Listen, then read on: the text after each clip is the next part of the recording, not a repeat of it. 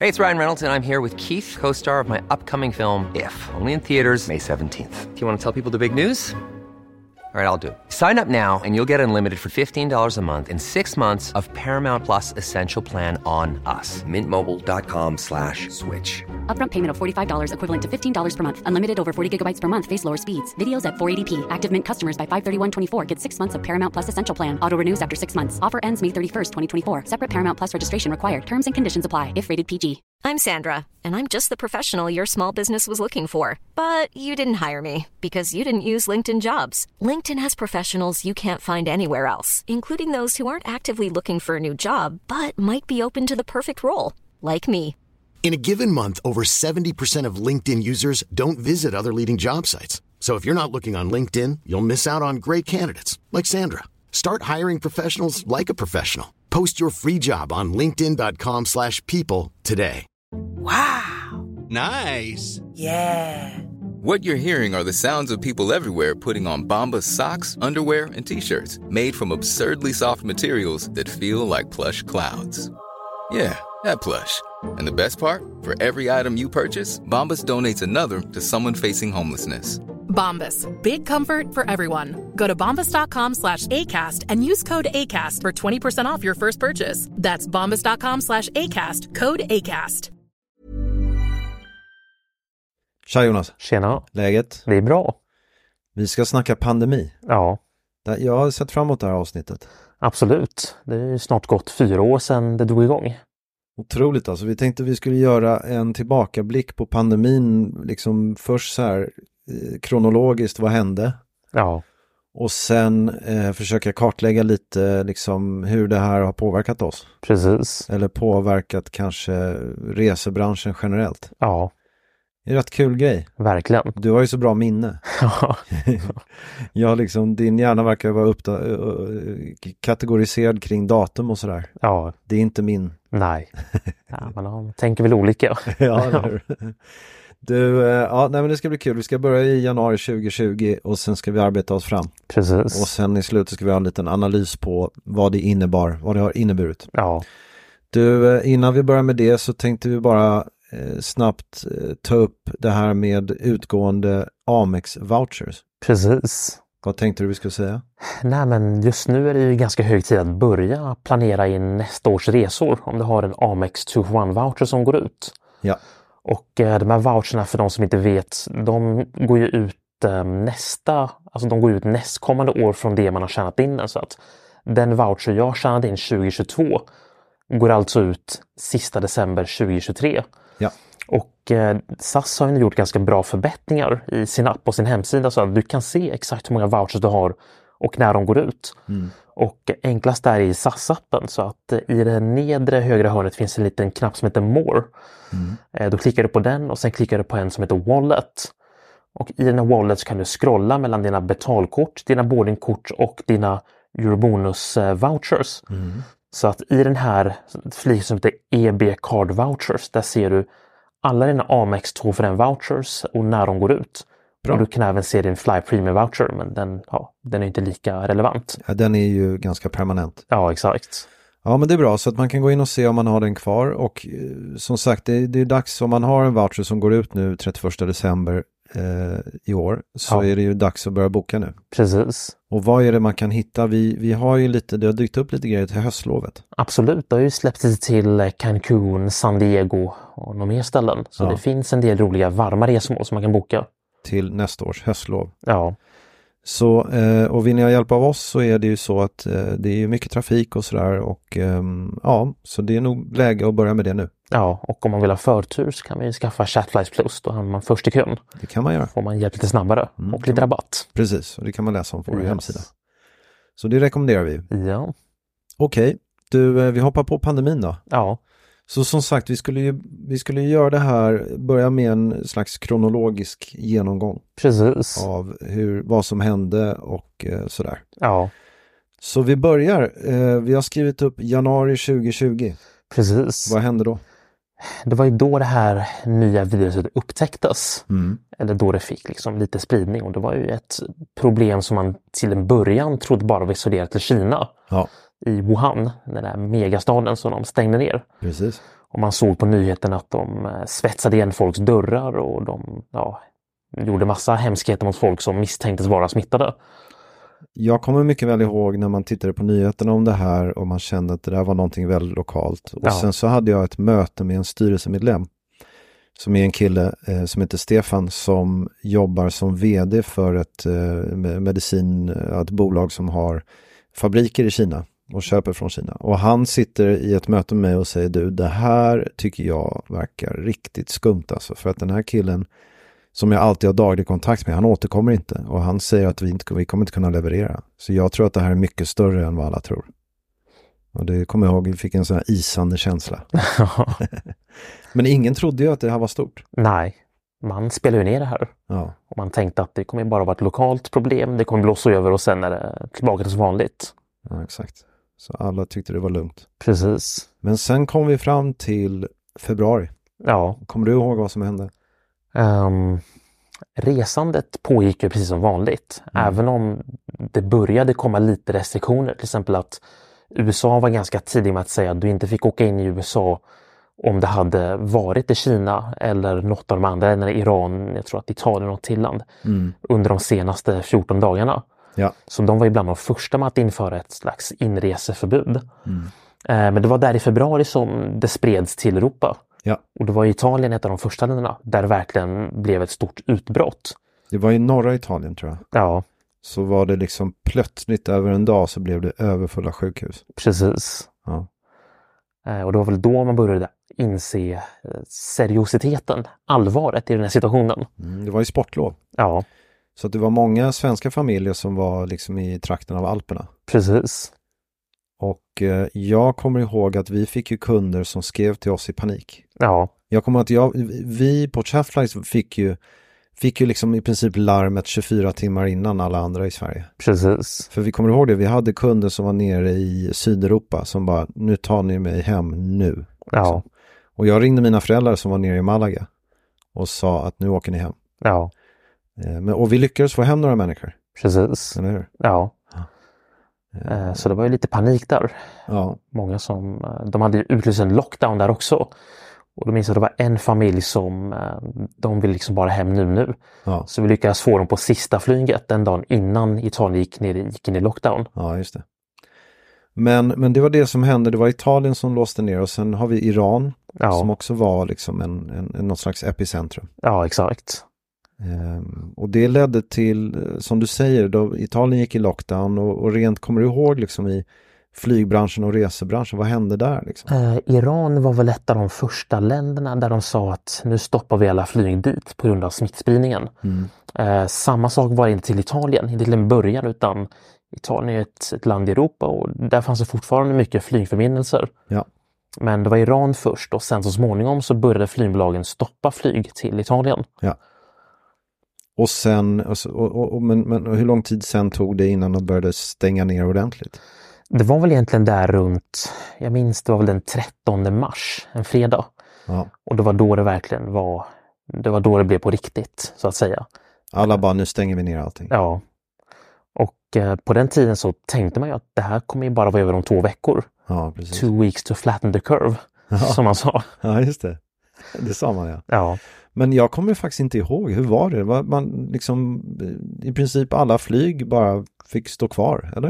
Hur Eh, gjorde de? Precis, SAS hade ju utlyst att de skulle upphöra sina USA-flyg. Jag tror att det var den 23 mars eller något sånt där. Så att det var ju några veckors framförhållning som de sa. Ja, Och det här var ju bara för att ge folk tid att kunna åka hem. just det. Eh, och sen var det ju fler länder som liksom panikstängde och då hade man sådana här repatriation flights. Så att många flygbolag, jag minns att Lufthansa, de flög ju sina jumbojets och A380 till Nya Zeeland. Bara för att ta hem strandade tyskar. Ja, Så de hade ju nästan 10 flyg per dag under, jag tror att det var två veckor. Där de bara ville skjuts, flyga hem så många som möjligt. Mm. Och även SAS hade det. De flög till exempel en Airbus A350 till Peru. För att Mm. flyga hem eh, svenskar och danskar, norrmän, just det. från, eh, från Peru, Lima. Och, och, och det tog ett par veckor. Ja, Och sen efter det var det bara stängt. ja, så i princip från april till eh, sommaren, då var det helt totalstängt.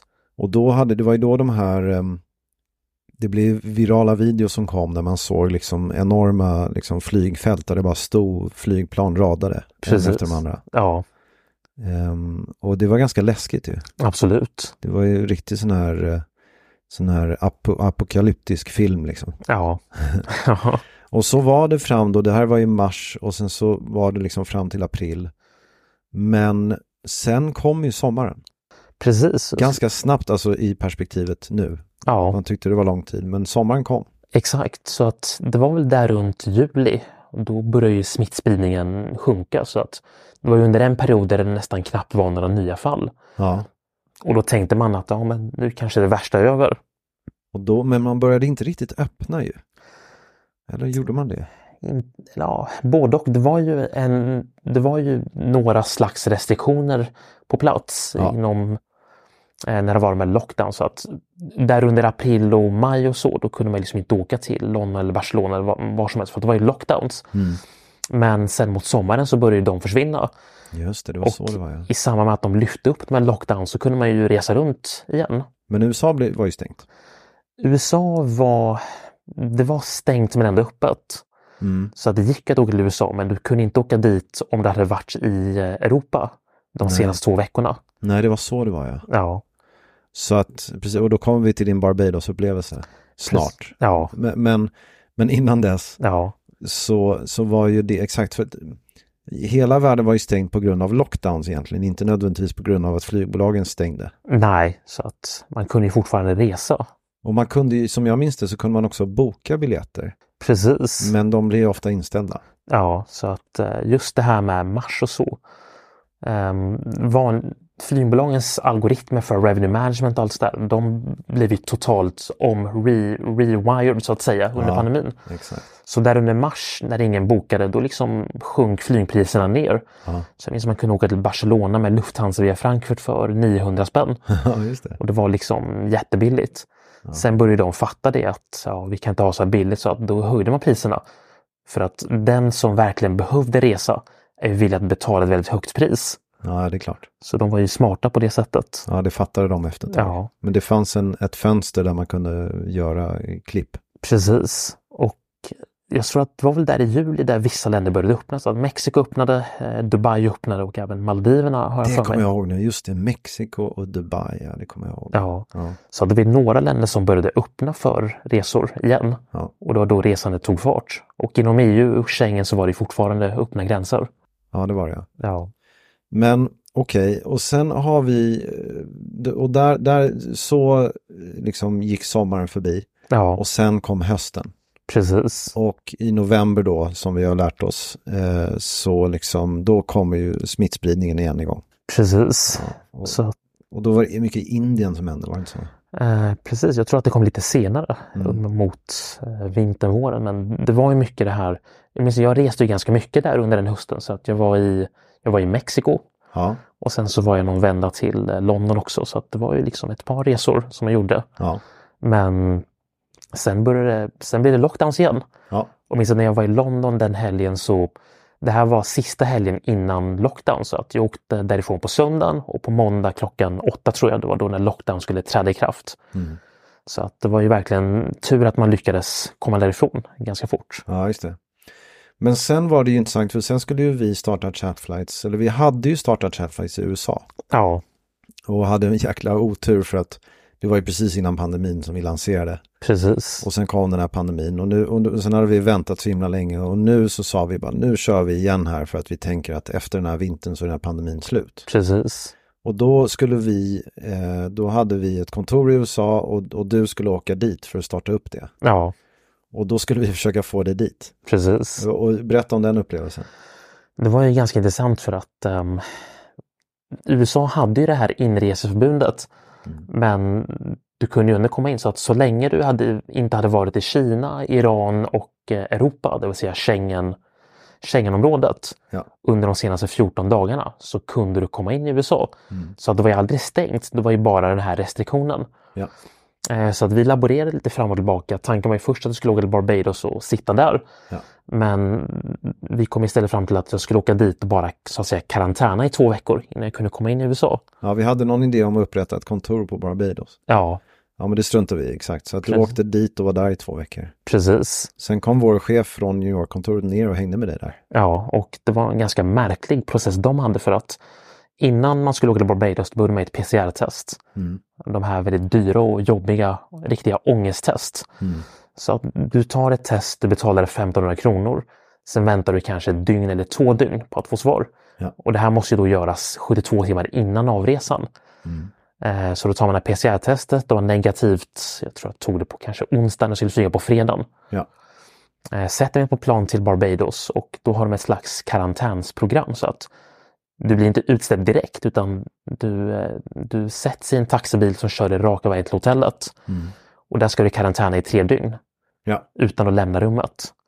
Och eh, om du skulle lämna rummet, om du ens bara går ut i korridoren på hotellet och någon ser dig, då kan du få liksom dryga böter och i värsta fall fängelsestraff. Det var ju helt otroligt alltså. Ja, så att i tre dygn satt jag inlåst på det hotellrummet. Och sen på dag tre så skulle jag ta ett PCR-test. Så skulle jag vänta ett till dygn på svaret på det och sen vart jag utsläppt. Ja. Och eh, jag minns att Malte, han hade ju lite problem med sitt PCR-test i New York. Ja. Eh, han var tvungen att skjuta på sin resa med tre dagar. Så att tanken var att vi skulle karantäna samtidigt, sen ha ungefär en vecka tillsammans där. ja, just det. Han kom dit tre dagar sent, han var tvungen att karantäna i tre dygn. Så att vi hann bara ses en dag. Ja, en dag blev det till slut. Ja, Men sen åkte ni ju tillsammans till New York. precis. Eh, Malte åkte hem för han hade ju green card. Så att han kom in i USA oavsett. Ja, Jag var tvungen att vänta en vecka till just för att få de här 14 dagarna. mm, just det. Och sen kunde jag flyga över till USA. Ja. Ja, men okej, så det, det var liksom, det fanns ju sådana möjligheter att ta sig till USA, men det var väldigt svårt. Precis. Sen kom vi in i vintern, eh, liksom början på 2021. Ja, Och där har, har vi liksom ansett någon slags peak. precis. Det blev liksom eh, lite kalabalik. Det var ju nästan värre än året innan. Ja, Och det var ju då man, det, det brändes kroppar i Indien och sådär. precis. Det var ju den här delta-varianten som var riktigt eh, just det. jobbig. Ja, just det. Så det var ju mycket smittspridning och det liksom verkligen tog fart ordentligt. Så att det var ju mer fall än man någonsin hade sett. Men någonting som hände under den tiden och hade börjat redan under sommaren var att vi började se en himla massa bonusresor släppas. Precis. Och vi fick en himla massa bokningar, Ja, eller hur? precis. Så att i vårat perspektiv, just där i mars 2020, det var ju då SAS stängde ner den här Star Alliance-bokningen. Exakt. Man kunde inte boka bonusresor på Star Alliance alls. Nej. Men de öppnade upp den här i juli. Ja. Och eh, bonusresor, de är ju ganska riskfria. Du kan ju boka av dem, liksom ett, boka dem ett år i förväg och du kan boka av dem, du kan boka om dem lite hur som helst. Så det många kände var att man var ju väldigt optimistisk ändå på framtiden. Att man tänker att om ett år kommer det här vara över och då har vi en kul resa att se fram emot. Jag har för mig att vi hade en kampanj också som hette typ Håll drömmen vid liv eller någonting sånt. Där Precis. liksom hela syftet var, men boka en bonusresa nu för att det är liksom, du kan alltid boka av den dagen innan. Ja, Och eh, då har du i alla fall något att drömma om. precis. Jaha. Och det var även väldigt svåra destinationer, till exempel Los Angeles, Tokyo och även delar av Sydostasien som man normalt inte kunde boka för poäng, som nu blev väldigt lätta och tillgängliga. Och kanske inte så konstigt med tanke på att flygbolagen insåg att de inte skulle fylla planen. Ja, Och då släppte de mycket bonusplatser. precis. Sen hade vi det här problemet med att eh, teamtabellerna ändras ju som in i, ja, Ja, hela tiden. ja, hela tiden. Vi, hade ju konstant, vi satt ju konstant och ändrade bokningar. Precis. Och eh, det flygbolagen gjorde, det var ju att de hade sin fulla tidtabell lastad i, i bokningssystemen.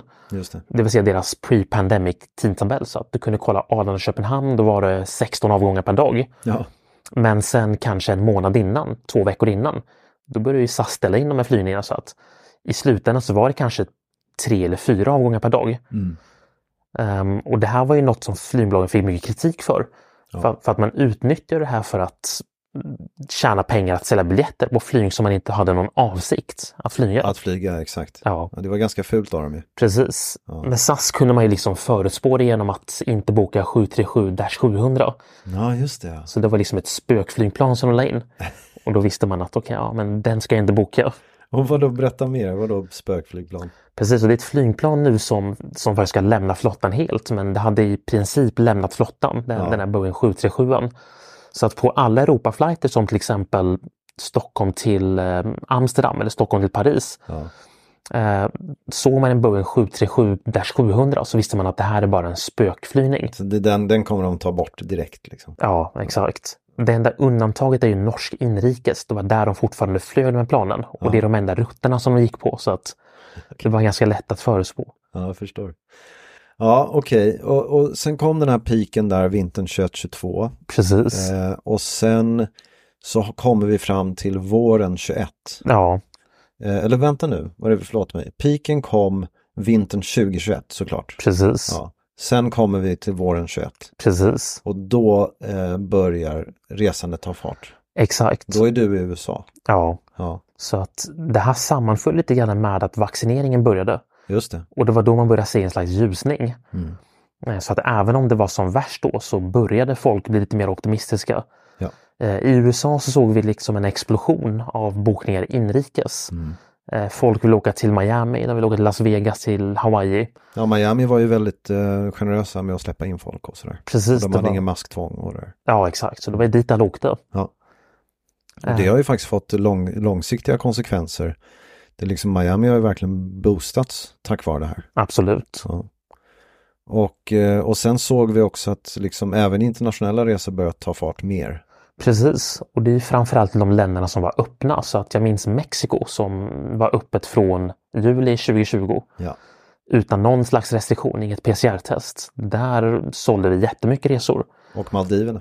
Ja, Maldiven också. Ja. Maldiverna är ju lite svårt men det skedde ganska många roliga släpp under den perioden. Ja, just det. Bland annat Turkish gjorde sina fantastiska släpp. Ja. Så vi sålde ju en del Maldiverna-resor. Och eh, över, sen kom sommaren och då gick det ju ner som det, som det gör. Eh, och eh, bonusresorna fortsatte. Det var fortfar- fortfarande ganska gott om liksom, tillgänglighet. Ja, exakt. Men sen kom vi då till egentligen den sista kan man säga pandemivintern Precis. 2022. Ja, Och eh, den behöver vi inte prata så mycket om men, men efter då så började vi öppna på riktigt.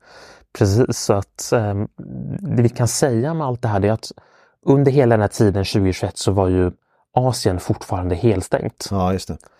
Eh, Så att det var inget Thailand, Japan, eh, Kina, Singapore. Allt det här var ju totalstängt Ja. under i stort sett hela 2021 och en bra bit in på 2022. Ehm, Så att de resor vi bokade, det var ju framförallt till Maldiverna, till Karibien, Mexiko. Även USA var tyvärr stängt också. Ja. Eh, USA öppnade i eh, november 2021. Det var då det här inreseförbudet försvann. Mm. Just det. Och eh, i samband med det, det var då vi började se att efterfrågan verkligen började stiga ordentligt. Ja. Och flygbolagen började dra tillbaka de här bonusplatserna. Mm. Eh, så destinationer som tidigare var ganska lätta för oss att boka för att det var ju så mycket platser släppta. Till exempel New York, Los Angeles, San Francisco, Miami. Mm.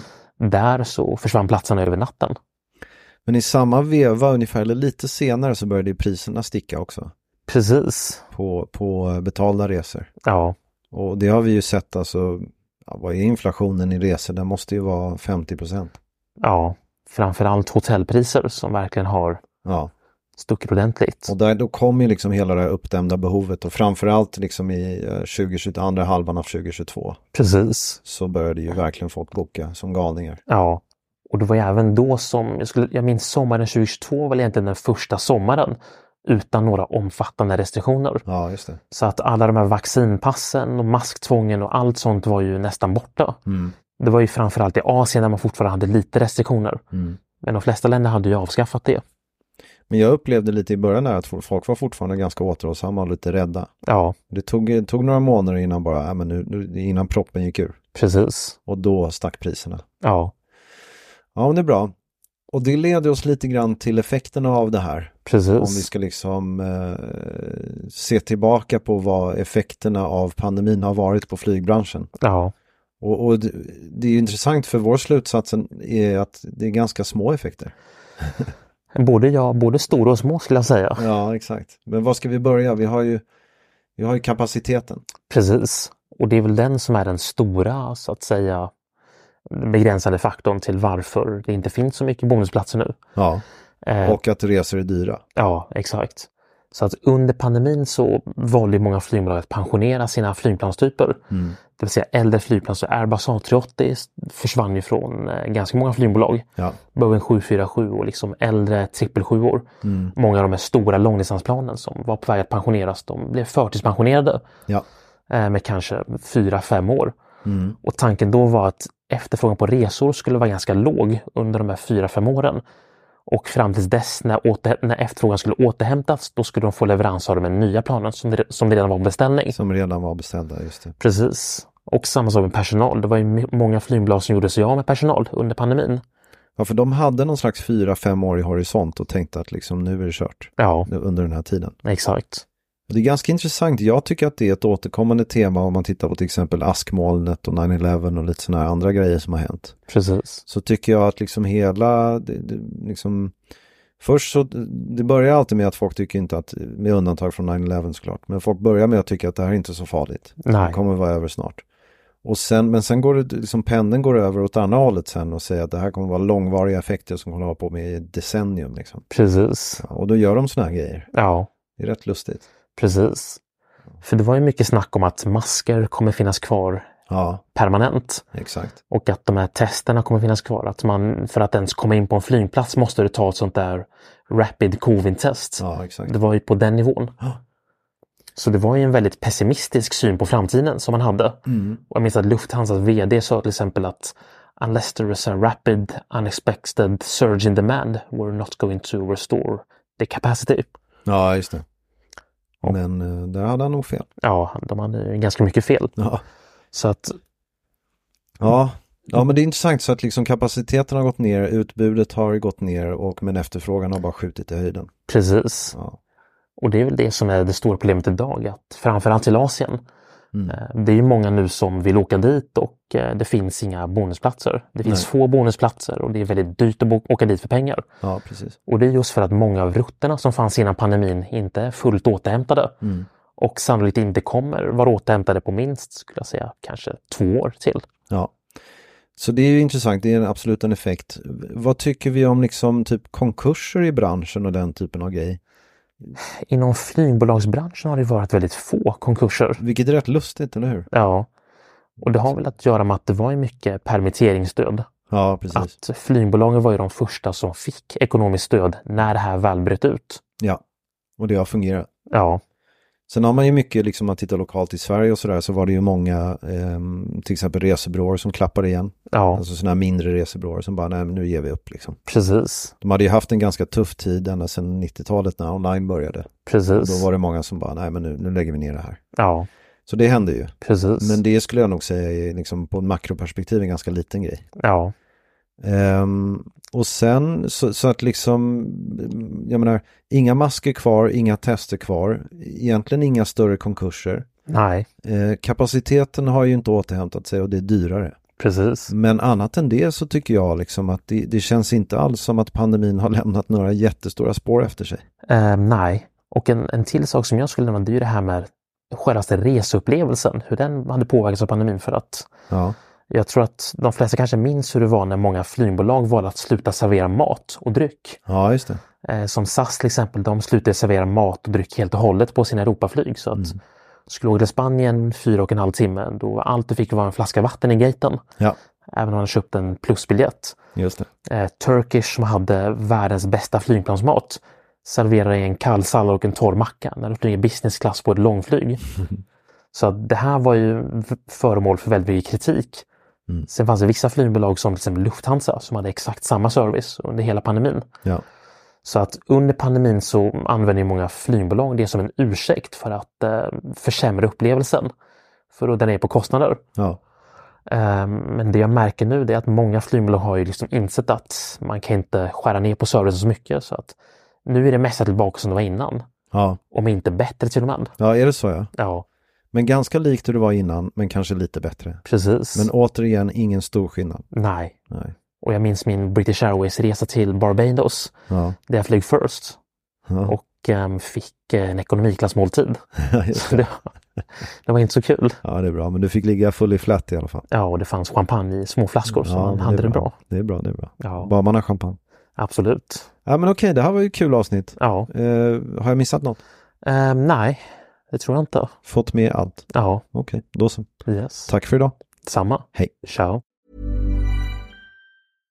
Imagine the softest sheets you've ever felt. Now imagine them getting even softer over time. That's what you'll feel with Bowl and Branch's organic cotton sheets. In a recent customer survey, 96% replied that Bowl and Branch sheets get softer with every wash. Start getting your best night's sleep in these sheets that get softer and softer for years to come. Try their sheets with a 30-night guarantee. Plus, get 15% off your first order at bowlandbranch.com. Code BUTTERY. Exclusions apply. See site for details.